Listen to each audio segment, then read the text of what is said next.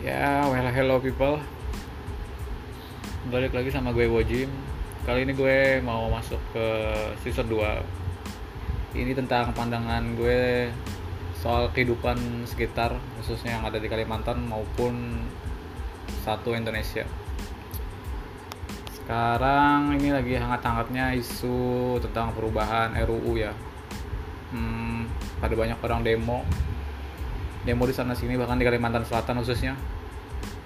Mereka memaja, menjajakan beberapa meme beberapa quotes yang menarik untuk dijadikan hmm, mungkin instastory dengan kata-kata nyeleneh walaupun gak ada hubungannya sama itu RUU ya.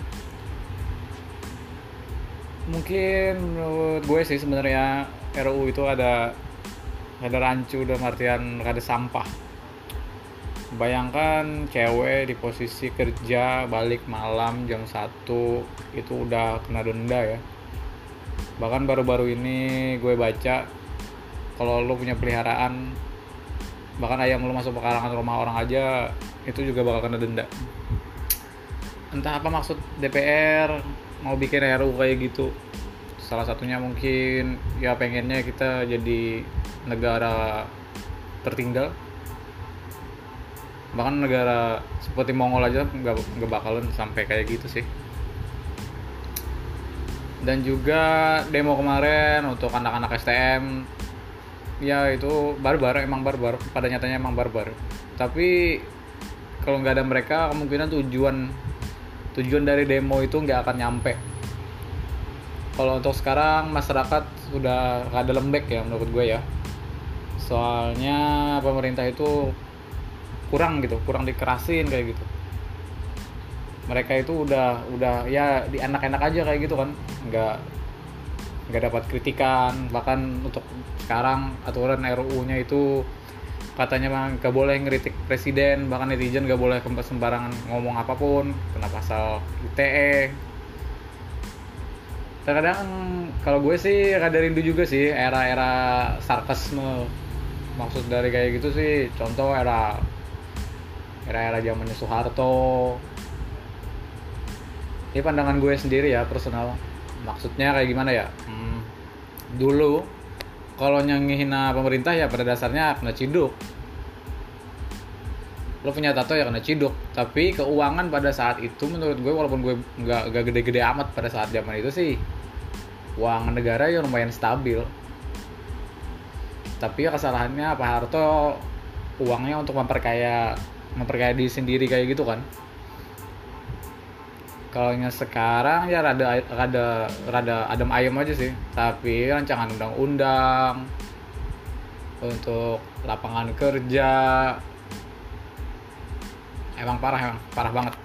Kalau yang untuk 2019 politik ya sebenarnya saya tipikal orang yang memiliki pandangan politik yang aneh sih sebenarnya sebenarnya saya pengen uh, kayak gimana ya negara kita ini jadi kayak korut atau Jerman pada saat era Nazi.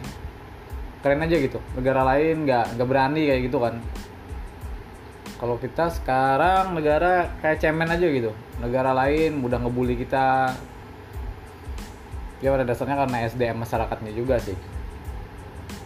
Masyarakat kita sekarang kebutuhannya semakin banyak sedangkan semangat juangnya ya ada kurang. Ya contohnya kayak gue aja. Kerja juga belum. Oke gitulah pemerintah. Polisi juga.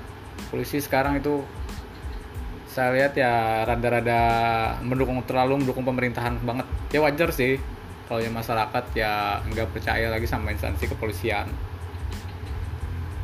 apalagi sampai ada yang tewas ketabrak mobil. Ya gitulah dunia pemerintahan kepolisian politik parlemen kita juga. Bingung sebenarnya kalau mikirin cuma politik-politik doang. Rata-rata kalau kita ngopi lihat amang-amang itu kan kalau di Kalimantan Selatan biasanya kita manggil orang-orang tua itu yang biasanya buka warkop di pinggir jalan sama acil-acil itu bahasnya politik. Nggak jauh sih sama politik agama juga. Apalagi di Kalimantan Selatan yang identik dengan religius.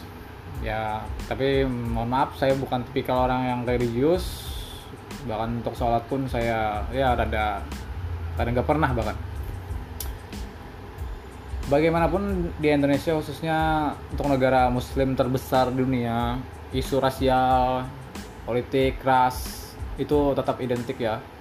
Bahkan kalau bisa sih gak bakalan ya yakin dah sumpah dah. Soalnya gak bakalan pemimpin khususnya presiden itu yang yang beragama minoritas. Yakin banget dah. Soalnya ya kita negara muslim terbesar khususnya.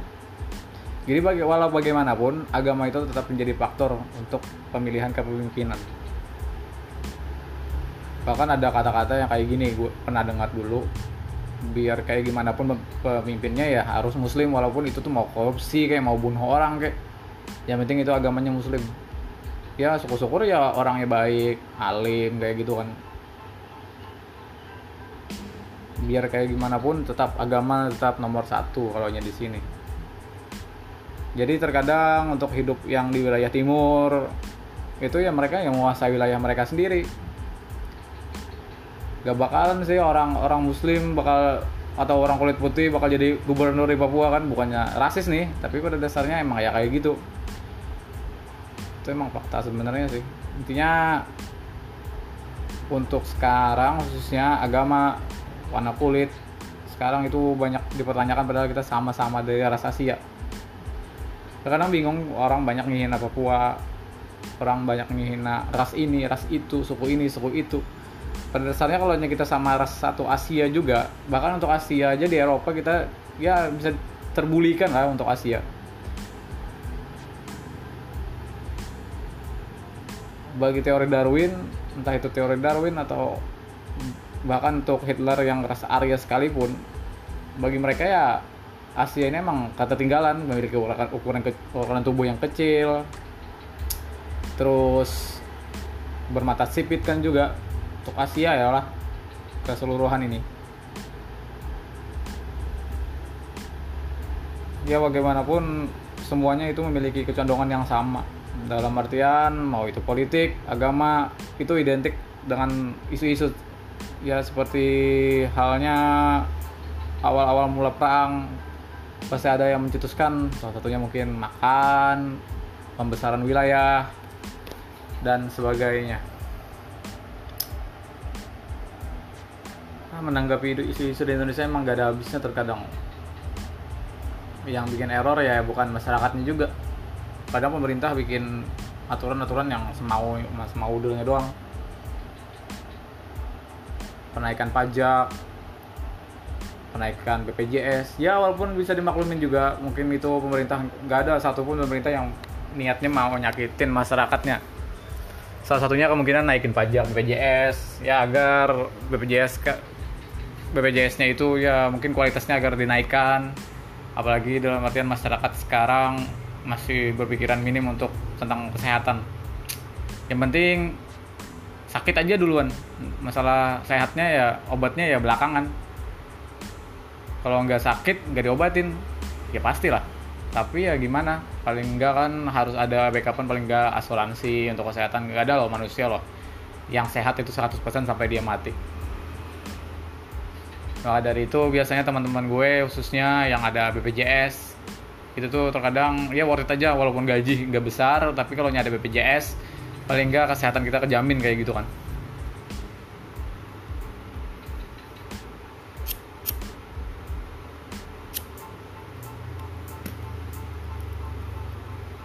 Politik. Politik kalau di Kalimantan Selatan khususnya yang saya tahu dari teman-teman yang bahkan bekerja sebagai ya ajudan dari gubernur untuk di Kalimantan Selatan. Mereka semua pada dasarnya di, di dekengin oleh perusahaan batubara politik ya emang ya mana politik sih. Gak ada orang yang politik itu startnya dari bottom. Gak ada. Mereka butuh modal. Modalnya itu siapa yang bekengin? Entah itu pengusaha entah itu bandit mafia sekalipun gak ada urus yang penting ya jadi. Ya mereka balik berharap balik modal pada saat mereka terpilih kan. Sama juga dengan tes-tes yang lain. Terus kembali lagi pada saat penyokongan gubernur entah itu gubernur bupati camat rt apabila memiliki modal itu akan dipermudah. Itu realitas sih sebenarnya. Realita kerja di Indonesia realita kehidupan di Indonesia. Hidup di Indonesia emang rada berat. Banyak hutan banyak tambang tapi yang kaya ya mereka mereka aja. Kecuali lo mau kerja ya di di bawah sih mungkin jadi jadi tukang angkat batunya jadi supirnya ya gitulah. Kalau yang sekarang orang makin kaya ya makin kaya orang yang sakit ya makin sakit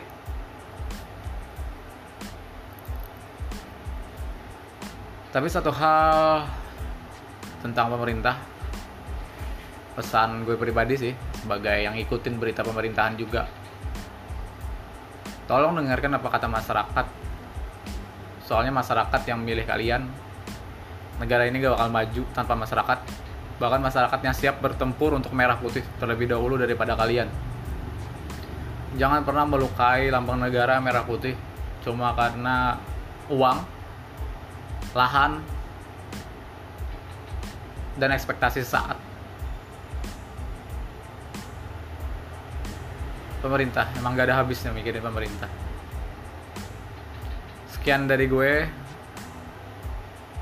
Mungkin bakal ada season 2 tentang membahas bebas sih mau bahas apa yang jelas. Season 2 bakal out of concept